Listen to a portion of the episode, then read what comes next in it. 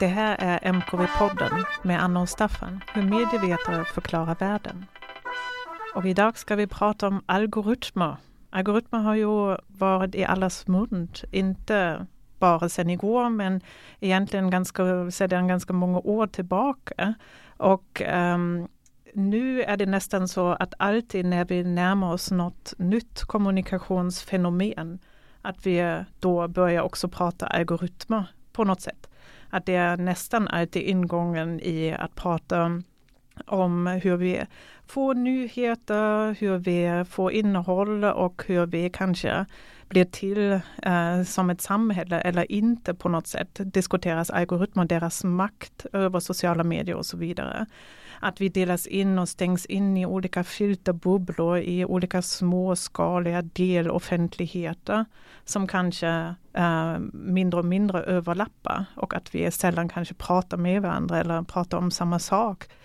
Och då har det blivit typ det dominanta narrativet att det är något slags drama kring algoritmer. Att det är de som styr och förstör kanske um, hur vi eh, prata vad, vad vi pratar om och så, och så vidare. Och det är också kanske mer och mer kritiskt på ett sätt.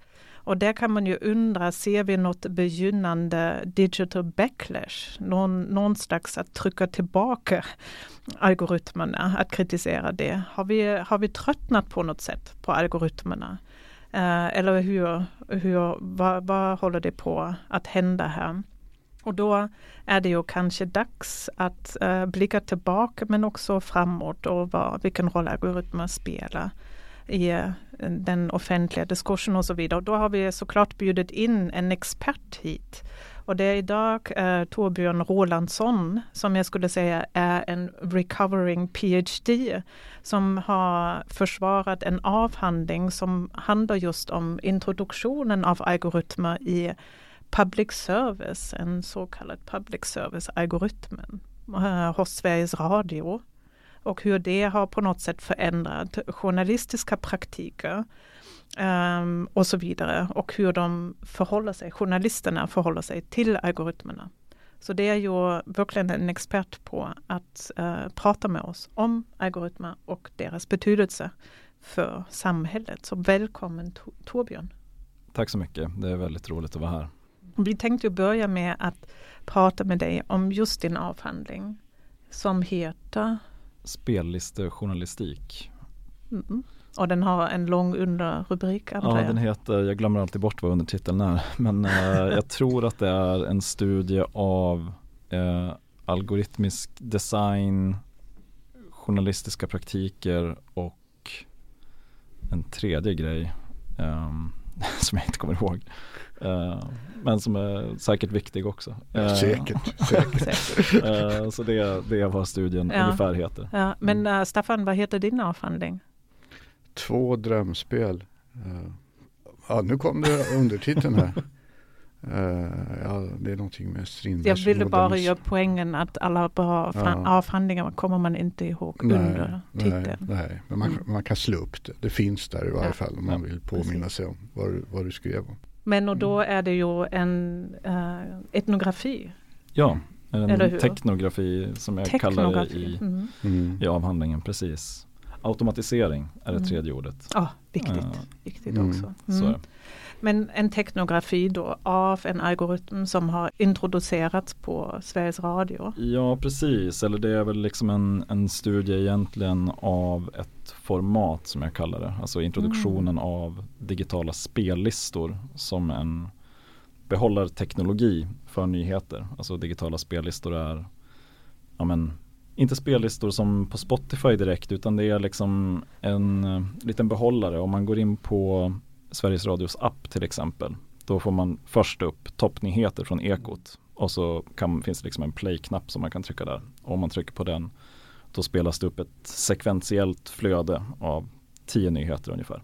Det är spellistorna jag syftar på. Mm. mm. Och när jag började studera dem 2018 genom att observera en eh, arbetsgrupp på Sveriges Radio som höll på med eh, att sköta deras rapportering av riksdagsvalet då fanns inte någon algoritm. Det var tänkt att det skulle finnas en algoritm som skulle liksom sköta sorteringen av de här spellistorna på automatiserad väg. Men det uteblev av olika skäl.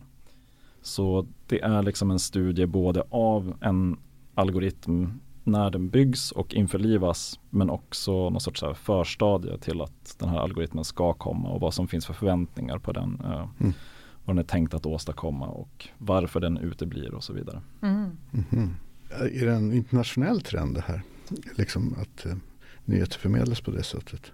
Ja det är det ju absolut. Alltså, det är ju ganska standard på ja, men, tidningars första sidor och ja. i appar och sådär att de är algoritmiskt sorterade. Ja. Och då är det ofta så att man om man är publik eller användare att man loggar in på deras webbsida eller mm. tjänst och så får man ett personaliserat flöde som är baserat på ens tidigare läsning. Eh, mm. Kommersiella webbsidor gör ju ofta så att de liksom förstärker ens konsumtionsmönster ganska mycket. Mm. Om du mm. läser mycket sport då får du mer sport för att då kommer du att klicka på flera eh, artiklar och därmed också utsättas för flera annonser eller exponeras för annonser. Liksom. Mm.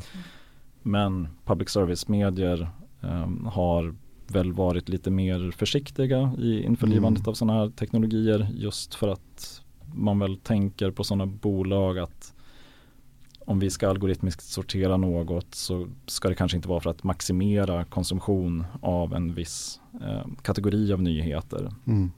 Och dessutom så är det också så att många public service-sändare, i alla fall i Sverige, inte har någon sån där inloggningsfunktion. Därför kan man inte personalisera flöden.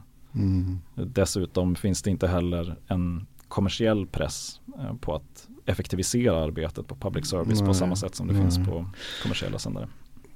Får jag ställa en fråga till då? För nu kommer jag att tänka på okay. alltså, hur hänger det ihop med public service? Ideal? Eller det måste ju mm. finnas en diskussion mm. kring det här. För Jag kommer ihåg de här gamla, man läste sådana här om Lord Reith, BBCs mm. chef. Mm. Liksom, och där han, han var ju direkt motståndare till att ha två radiokanaler. Mm. så att säga.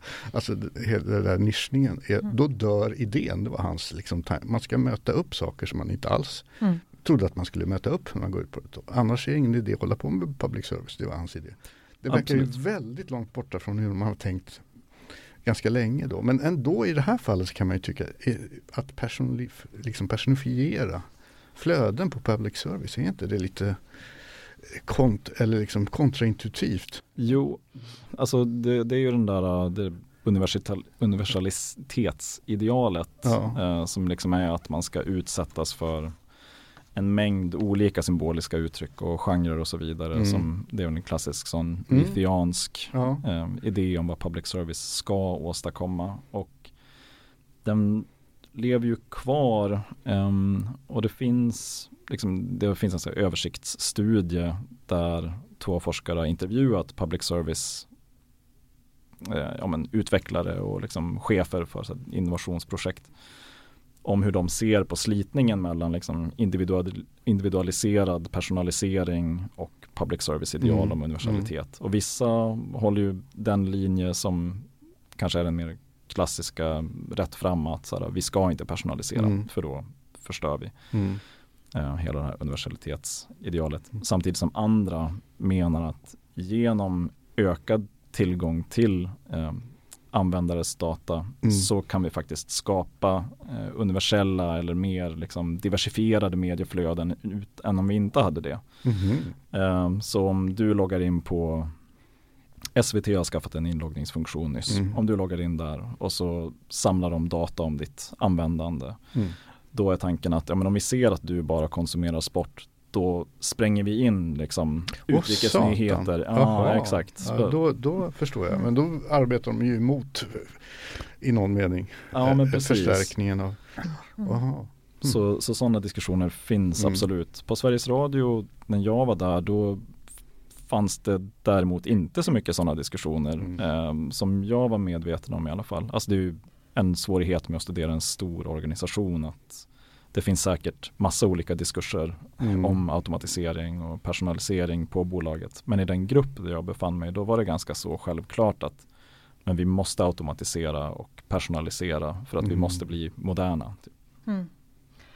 Men och apropå det med olika värden eller värderingar mm. som public service står för. Så, så kommer du, eller så tittar du ju på en um, public service nyhetsvärde. Ja.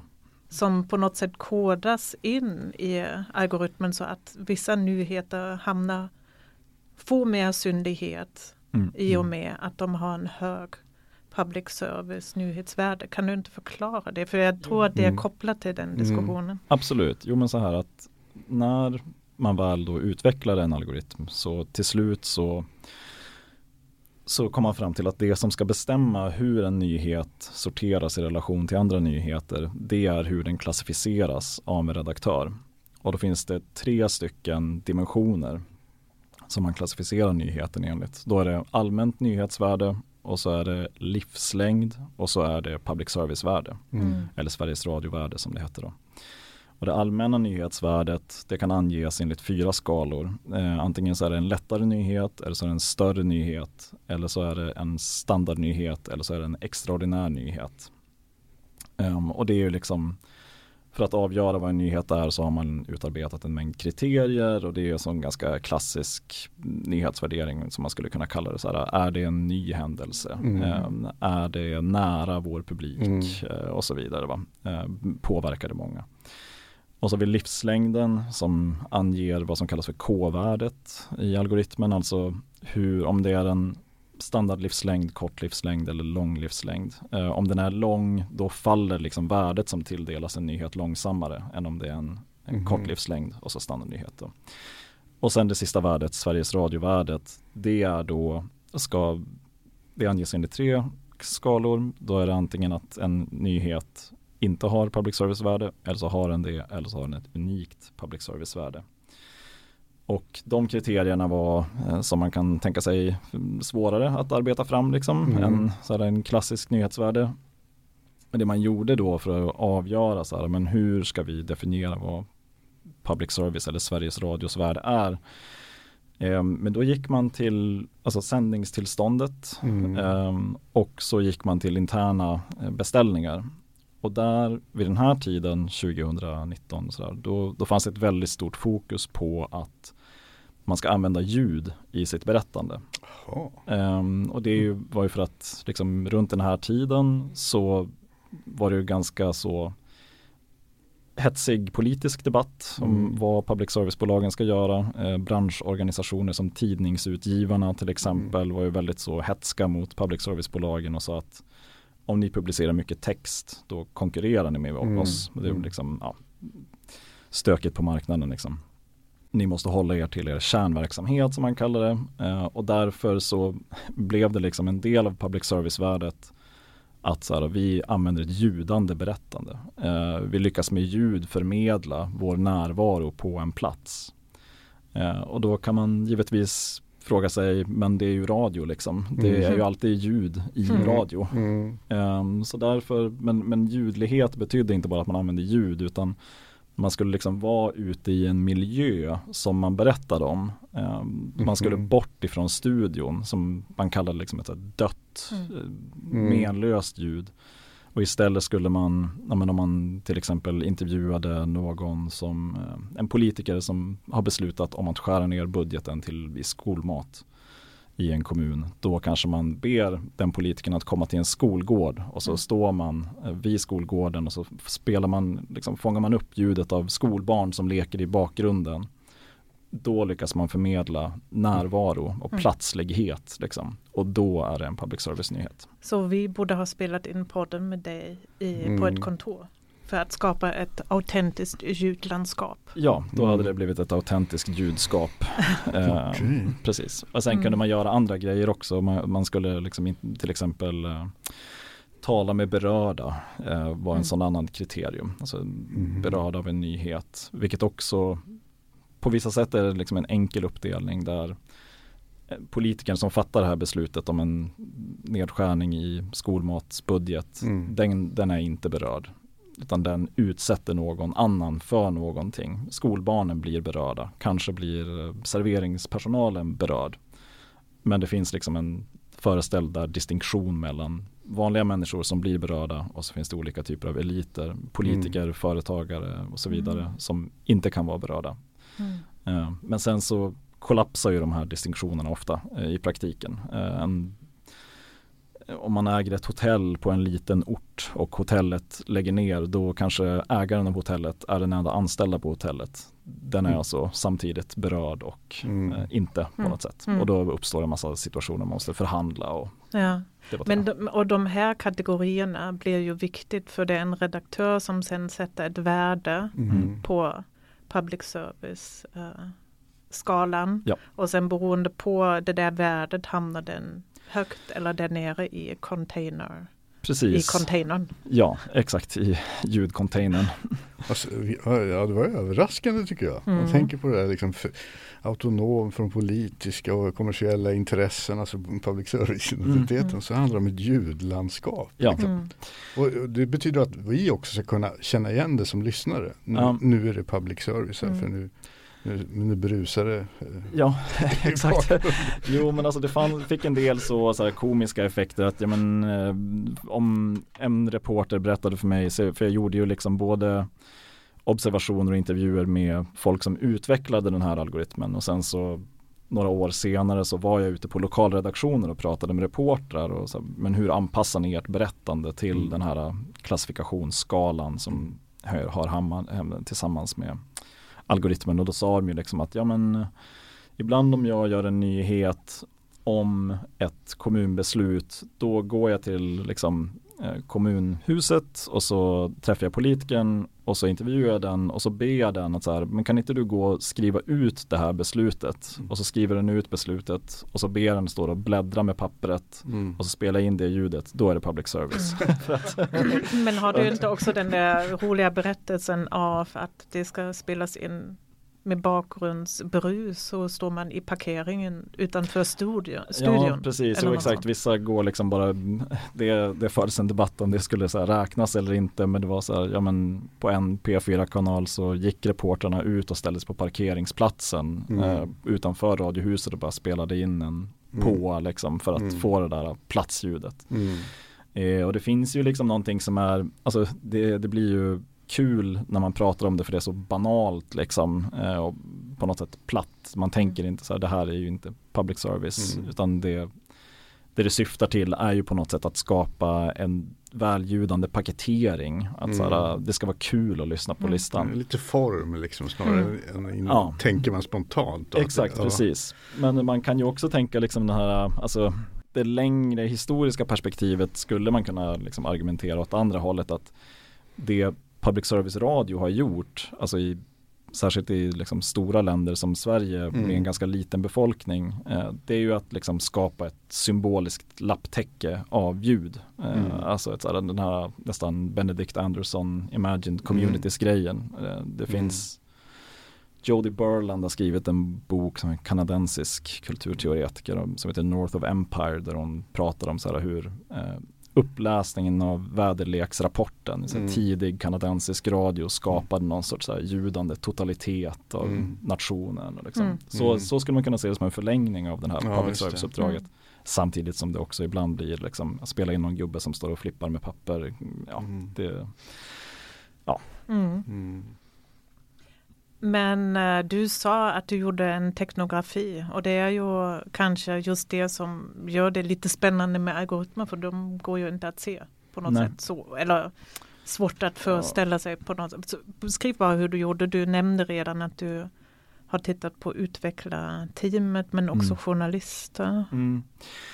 Ja precis, alltså teknografin det en metodologi, liksom ett övergripande begrepp som försöker beskriva att man i observationer eh, försöker att åsidosätta etno, alltså fokuset kanske på människan, utan försöker tänka på hur teknologiska fenomen eh, konstituerar kultur på olika sätt. Liksom. Eh, och då tänkte jag när jag skulle genomföra min studie att då vill jag studera det här formatet eh, som teknologi mm. liksom och hur det ger upphov till olika praktiker.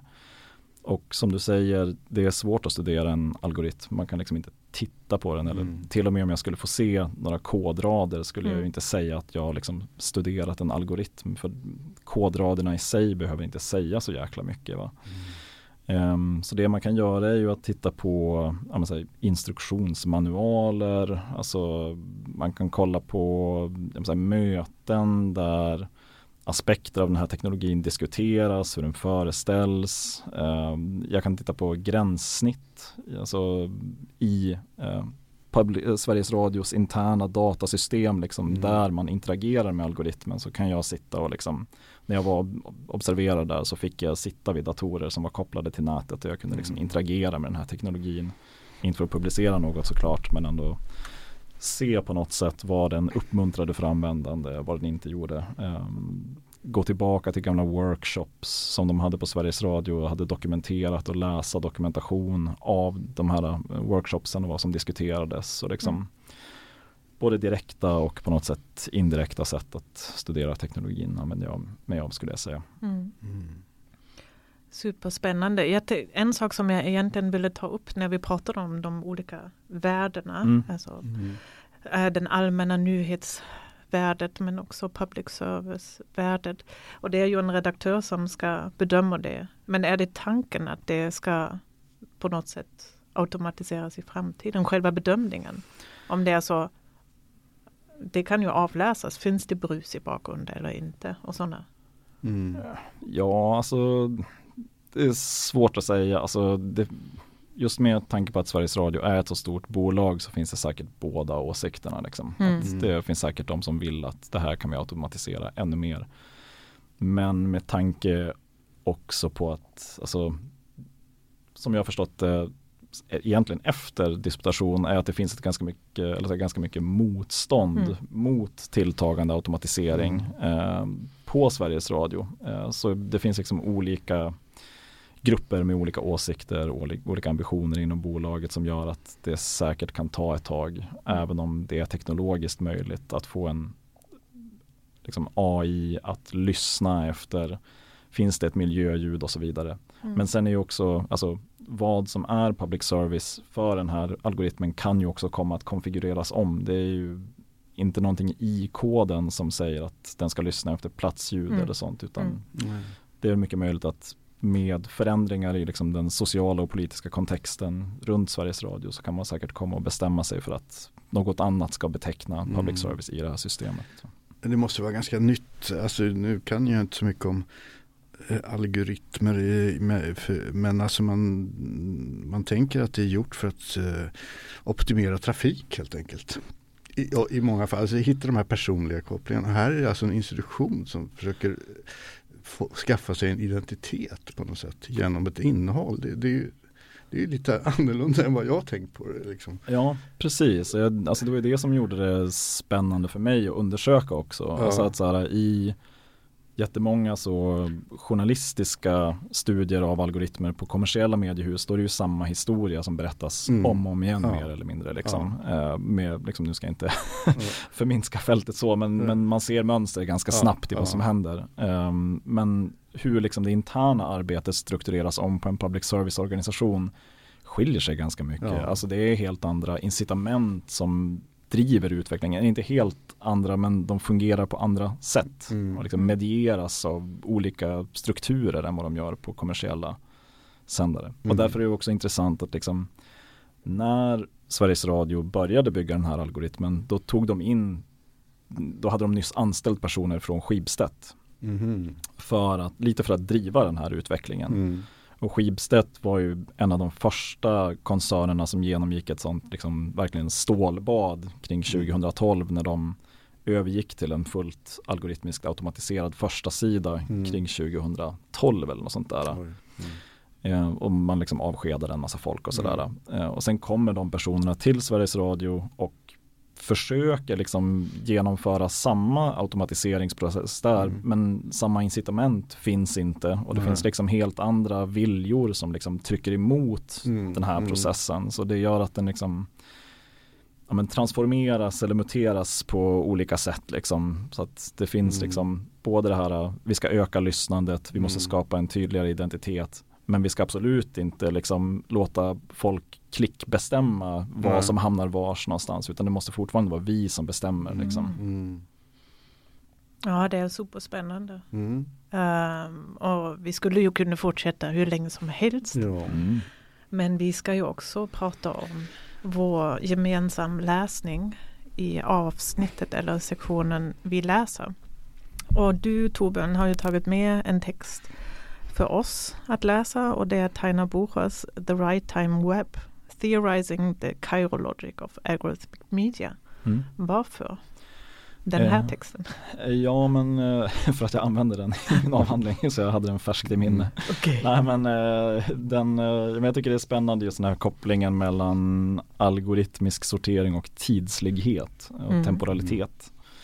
Som eh, Buscher pratar om i den här texten. Den hade ganska mycket bäring för hur jag tänkte på vissa aspekter av hur arbetet förändrades på Sveriges Radio. Vi kanske kan komma in på det sen men det var, det var därför jag tyckte mm. att den mm. var kul mm. att prata om. Liksom. Ja, och du gillar ju också tid, eller hur Staffan? Ja, ja. Eh, ja absolut, alltså, det var ju spännande. Mm, man har stött på den sista tiden den där idén att liksom vi går från en webbtid som är realtid mm. till en annan typ av tid som, är, som hon kallar för the right time. Alltså ja. Som handlar om relevans. Och, mm. och sen kallar hon det för kairos då. Mm. För att det inte är kronos. Exakt.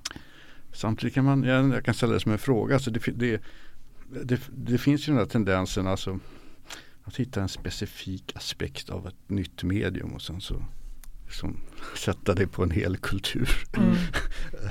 som, som uh, lite det här är en uttryck för också. Jag kommer ihåg när jag läste om just real time för kanske bara 4-5 år sedan. Vad är digital real time? Och då går du in och ska hitta någon liten sak i den digitala arkitekturen och så ska det betyda att allt går snabbare och snabbare. Mm. och sen är det, nu är det något annat då. Liksom. Eh, och, och, det där att vi tänker sådär att alltså, man hittar den där apparatklockan liksom organiserar arbetstid och livstid. TV organiserar presentism och sen real time och så. Alltså är, är det inte det är därför det är roligt att höra de här historierna om hur, hur diversifierat det kan vara mm. ute i världen. Mm. För att man, man, vill gärna komma till den här stora hypotesen att nu lever, lever vi i en algoritmens mm. tidevarv. Liksom. Mm. Men, det var mest det jag tänkte på. Alltså nu kommer en sån här till och, och, och, den, och den, är väldigt eh, effektiv. Alltså det är ju så. Man blir ju påminn om det. Så är det ju. Instagram har ju gått ifrån mm. flödena. Twitter har mm. gått ifrån flödena. Eh, alltså vissa blir det, man märker det knappt liksom, men nu är det ett annat sätt att organisera flöden. Mm. Det är ju helt sant. Eh. Absolut. Jag tänker att liksom, det, det är ju svårt det där med algoritmer att alltså, det är ju på något sätt koden är väl det liksom underliggande liksom essentiella mediet egentligen mm. och genom det kan man skapa både Kronos och Kairos. Liksom. Mm. Och nu är vi inne i någon sorts Kairos-regim men ja. det måste ju inte vara för evigt Nej. heller. Det kanske ställs om på något mm. sätt eh, mm. senare.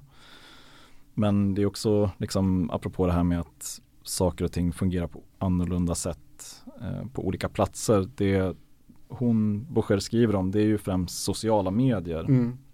Och att liksom rätt tid eller kairos blir liksom den rådande tidsligheten där. Och det stämmer ju på något sätt. Men den här algoritmen som jag kollade mm. på där finns det ju ingen personalisering liksom. Eh, eftersom det inte finns någon användardata att basera personaliseringen på. Eh, mm. Det skriver hon ju om att liksom personalisering och liksom rätt tid det kräver ju enorma mängder data om mm. användare. Att, mm. så här, om Facebook ska föreslå för mig att jag ska bli vän med någon som jag träffade på en konsert dagen innan. Då måste den veta, eller då måste liksom Facebooks algoritm veta att ja, men vi kanske jobbar på samma ställe. Vi har nyss börjat jobba på samma ställe så mm. det finns liksom en ökad sannolikhet att vi ska träffats, vi ska ha attendat det där eventet eh, mm. och så vidare. Va? Men Sveriges Radios algoritm den, den bygger ju inte alls på användardata. Det finns Nej. ingen sådan. Utan det finns bara liksom data från en helt annan typ av användare, det vill säga redaktörerna. Mm. mm. Och liksom det den här algoritmen gör det är ju att den liksom stör eller liksom arbetar emot det här som Buscher egentligen bara nämner i förbifarten, det är det här med narrativ logik. Mm. Alltså begreppet han använder från eh, Paul Ricoeur. Eh, mm. liksom ett, ett flöde av nyheter eller sociala medieinlägg ska inte bara vara relevanta i sig utan de ska liksom skapa någonting som sammanhängande blir tillfredsställande liksom att ta del av. Mm. Um, och de här spellistorna, det som händer med dem, nu går jag in på mitt eget exempel här, Mm. men, men det som händer med dem det är ju att om jag är en redaktör på en P4-station då har det ju alltid varit mitt mandat på något sätt att kunna sätta ihop ett nyhetsflöde. Man börjar med det viktigaste, sen Mm. kommer den här och den här nyheten och sen kanske det kommer lite sport och kultur eh, på slutet och så avslutar man med något trevligt litet klipp. Mm. Men när man använder den här algoritmen så man klassificerar nyheten och sen hamnar nyheten där den hamnar liksom. Mm. Och man har inte mer makt över den än så. Mm. Eh, om man ska lita på den här algoritmiska sorteringen. Så det liksom stör den här äh, mm, ja, men epistemiska auktoriteten som, som man pratar om inom Mm. journalistikforskning. Att få bestämma hur ett sånt här flöde ska se ut helt själv. Liksom. Mm. Så då blir den här algoritmen det är dess kairologik, liksom, att det sorterar efter relevans och det I, I förhållande till public den här public service. och det allmänna nyhetsvärdet och okej. den här livslängden. Liksom. Mm. Att det är det som bestämmer hur de här nyheterna först sorteras och sen hur de faller över tid också, hur det här Ja, flödet det. förändras. Och det har man som mänsklig redaktör inte så mycket kontroll över. Och det tyckte vissa var helt okej och vissa redaktörer tyckte att det var jättejobbigt. Mm. För det, var, det är ju det man kan tänka då att eh, alltså, utifrån det här personifierade perspektivet. Alltså, kan man upprätta kollektiva kairos? Eller man ska säga. Mm. Där, eh, Mm. där, Uppenbarligen. upp, Ja. där, Ja. där skapas gemenskap, det här liksom torgidén. Mm. Det kanske, kanske finns Mm. där då. Ja, Eh, om, man, om man lyckas eh, hitta rätt algoritmer. Då. Mm. ja precis. Det är, väl, det är väl det man försöker men det är samtidigt eh, svårt tänker jag. så att det, Ja. då gör alltså så här, algoritmen gör ju någonting men det faller ändå tillbaka på de här mänskliga redaktörerna vars mekaniserade omdömen ska på något sätt motsvara en förväntan från publiken Mm. på vad som är rätt tid. Att Mm. det blir en sån här, komplex och rörig situation. Mm. Liksom. Som ändå se, ser så strukturerat ut för man sätter um, efter poängsystem. Ja, Mm. exakt. Men också jag tänkte bara, kan du bara upprepa igen det med livslängd? Ja, alltså exakt. av en nyhet. Mm. För det är så relaterat till Mm. tid. jag. Ja, exakt, precis. Livslängden då som är eh, kort, standard eller lång, den bestämmer alltså hur snabbt eller långsamt en nyhet faller i liksom dess värde faller över Mm. tid. För när Mm. man sätter de här eh, standard nyhetsvärde uppfyller SR-värde, algoritmen läser det ju inte som sådant utan det omvandlas, omvandlas ju till siffror. Mm. Alltså en nyhet får värde, eh, värde 30 till exempel. Och sen om den har lång livslängd då minskar det värdet ganska långsamt. Om den har standard så minskar det värdet lite snabbare. Om Mm. det har kort livslängd då minskar det väldigt snabbt. Liksom. Så att en nyhet med lång livslängd och standard eh, nyhetsvärde dröjer sig kvar längre än någon med kort. kort liksom. Mm. Så då måste man tänka det här är en bilolycka som vi rapporterar om. Mm. Den ska ha kort livslängd men högt nyhetsvärde för att den ska liksom upp i topp snabbt och sen ska den falla undan Mm. liksom och inte Mm. ta plats från någonting Mm. annat liksom. Ehm, så. Men det blir ju det är ju spännande för att det blir liksom en Jag hade ett seminarium i veckan om, om kulturjournalistik som lite, du, du var ju inne i den gruppen också Mm. sådär, liksom, med eh, lite utifrån offentlighet och sådär. Mm. Men då, hade, då tänkte jag, alltså vi liksom frågar var finns offentligheten idag? Mm. Så blir jag alldeles tyst. Och så, så, och så, är det någon som har läst en papperstidning på en vecka? Nej. Är det någon som har sett tablå-tv på en vecka? Men så kom de med exempel, de här yngre då. Mm. Som är så här streamingtjänster och vissa poddar och sådär. Mm. Alltså där man inte känner sig utanför. Men då är ju liksom frågan när finns public service? Ja. Inte var finns utan när, Ja. när finns den? Ja. Alltså igen, t- Mm. att det tidsliga upprättandet det kanske är mycket viktigare nu med plattformar än Ja. för det var så lätt att orientera sig liksom Mm. när man bläddrar i en tidning eller så på Aktuellt. Nu är det inte så längre. Nej. Mm. Och hur, hur skapar man liksom Nej, och det där, alltså apropå just kulturnyheter, det, det blev ju också någonting som liksom blev ett litet problem för den här spellistan för att så här, vad är en standardnyhet inom kulturjournalistik Mm. jämfört med Mm. nyhetsjournalistik? Vad är, vad är ett public service-värde för en kulturnyhet? Ja.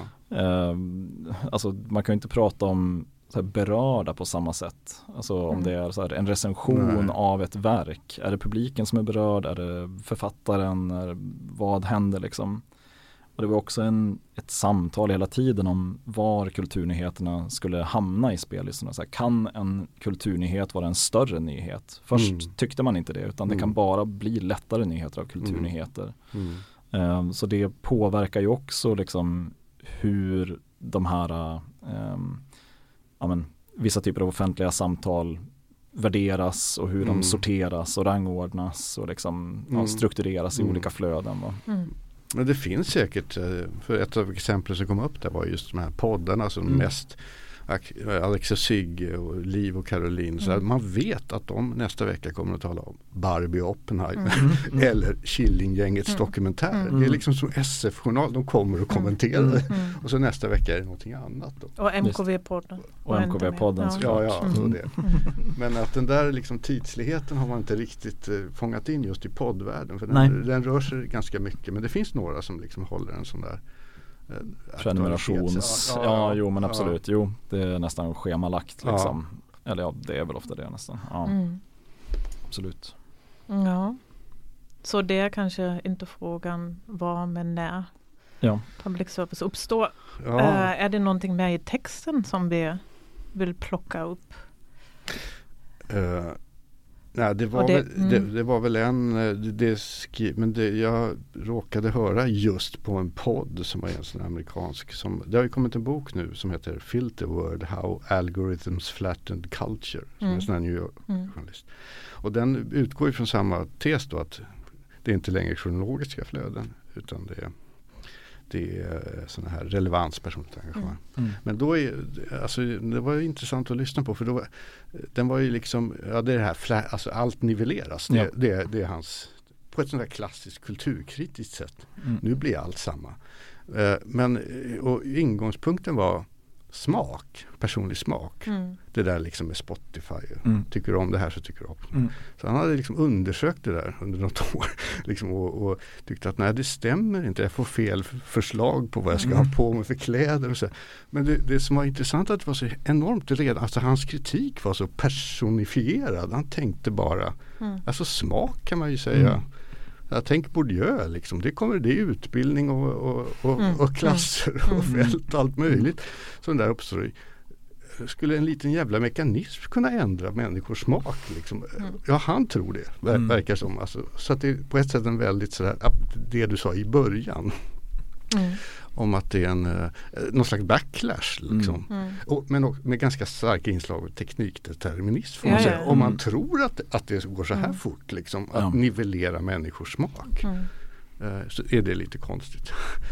uh, men det var, men det, det, var, det var samma iakttagelse. Mm. Alltså att nu, nu, har den tagit, nu är det inte att vi alla följer nyhetsflödet. Nej. Utan vi, vi, sitter och liksom placerar in oss i olika smakgrupper. Och det här att alltså det är inte bara att de som använder nivelleras i sin smak eller liksom tar rekommendationerna utan att de, vilket är lite vad du berättar om, då, de som producerar mm. arbetar in det. Mm. Fast då gör ju inte SR det på samma sätt Nej. som de här som har publikdata. Det är ju det som är Nej precis och, och, och man kan också lägga till att alltså, det, det fanns ju vissa redaktioner som aktivt alltså försökte överlista algoritmen ja. genom att klassificera fel. All, mm. ja, alltså inte utifrån vad som hände i en nyhet utan från vars man ville att en nyhet skulle hamna i ja. ett flöde. Så man liksom, vilket ju liksom, det pratar ju Buscher om här att liksom, det finns rätt tid för användare och så finns det rätt tid för systemet. Just liksom. Mm. Just och att här blir det, då blir det liksom ett fall där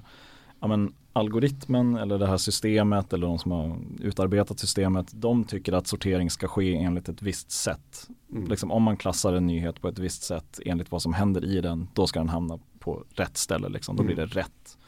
Men för den enskilda användaren kan det bli helt fel. Liksom. Mm, att så här, mm. användarens perspektiv sammanfaller inte alltid Nej. med systemets perspektiv. Och vad händer då? Liksom? Mm. Antingen så anpassar man sig och det liksom inträffar någon sorts nivellering och man mm. liksom börjar tänka som maskinen på något mm, sätt. Som, mm. som folk sa i min studie också. Men vissa gör ju liksom de tänker som maskinen för att sedan kunna överlista den. Och liksom för att liksom Men det blir inte bra om jag klassar den här på det här sättet. Därför kommer jag klassa den på det här sättet mm. istället för att den ska hamna mm. rätt. Liksom. Mm. Så det finns ju också sådana motståndshandlingar mm. inbyggda i, mm. eh, liksom, ja, som, som finns där också. Ja, mm. så det är inte bara right time, det är också fel. Mm. Ja, finns, ja, ja, precis. Ja, jo, det finns också från, fel från, tid. Från vems perspektiv ja. kan man då ja. liksom systemet eller personen. Ja, men exakt, precis. Så att liksom användarens tidslighet blir, blir en del av systemets tidslighet. Mm. Det menar väl också Boucher en sån så här, förändring i, i den här nya tidsliga logiken att om man tänker på um, live och sådär då är liksom ja. lyssnaren eller tittaren påverkad av tidsregimen men den kan inte påverka den. Eh, utan men här i den här alltså liksom, kan man det på något sätt. Redaktörer genom att klassificera saker på olika sätt. Om man är en Facebook-användare genom att trycka på olika saker vid olika tidpunkter. Att ens, liksom, man har någon sorts, kanske inte jättestort inflytande, men man, mm. man är ändå liksom mer inbakad i eh, mm. systemets mm. tidslighet. Liksom. Mm. Ja, men kanske vi hamnar där som en slutkläm på det mm. hela. Det var mm. i alla fall väldigt kul att få lite alltså, nyanserat mm. äh, empiriskt grundat ja, läsning ja, kring ja, algoritmer från, från din studie. Och också se hur vissa idéer rör sig från kanske en kommersiell kontext in i public service-kontexten och vad som händer men, då. Men som används mm. på ett helt annat sätt. Exakt. Det, det, det, det, var väldigt, väldigt kul. Så vi varmt rekommenderar Torbjörn Rolandssons avhandling. Med undertiteln. Med undertiteln. en studie av algoritmisk design, automatisering och journalistiska praktiker på Sveriges Radio. Ja. Wunderschön. Ja. Men vi avslutar alltid med samma fråga. Det är som en algoritm. Men uh, vilken sång, vilken låt ska vi spela för dig? Uh, vi ska spela Uh, eftersom den knyter an så bra till temat. Vi ska spela låten uh, My Fate to Hate av bandet Dirty Rotten Imbeciles. För den, mm. är, den har noll lyssningar nu på Spotify och den kommer ha noll lyssningar när vi har lyssnat färdigt också. för att den är för kort för att registreras som en lyssning av algoritmen. Oh. 26 sekunder. Okay. Helt perfekt speltid. Okay. Toppen. Bra. Då spelar vi den. Tack så mycket. Tack för att du kom hit. Tack, tack. tack.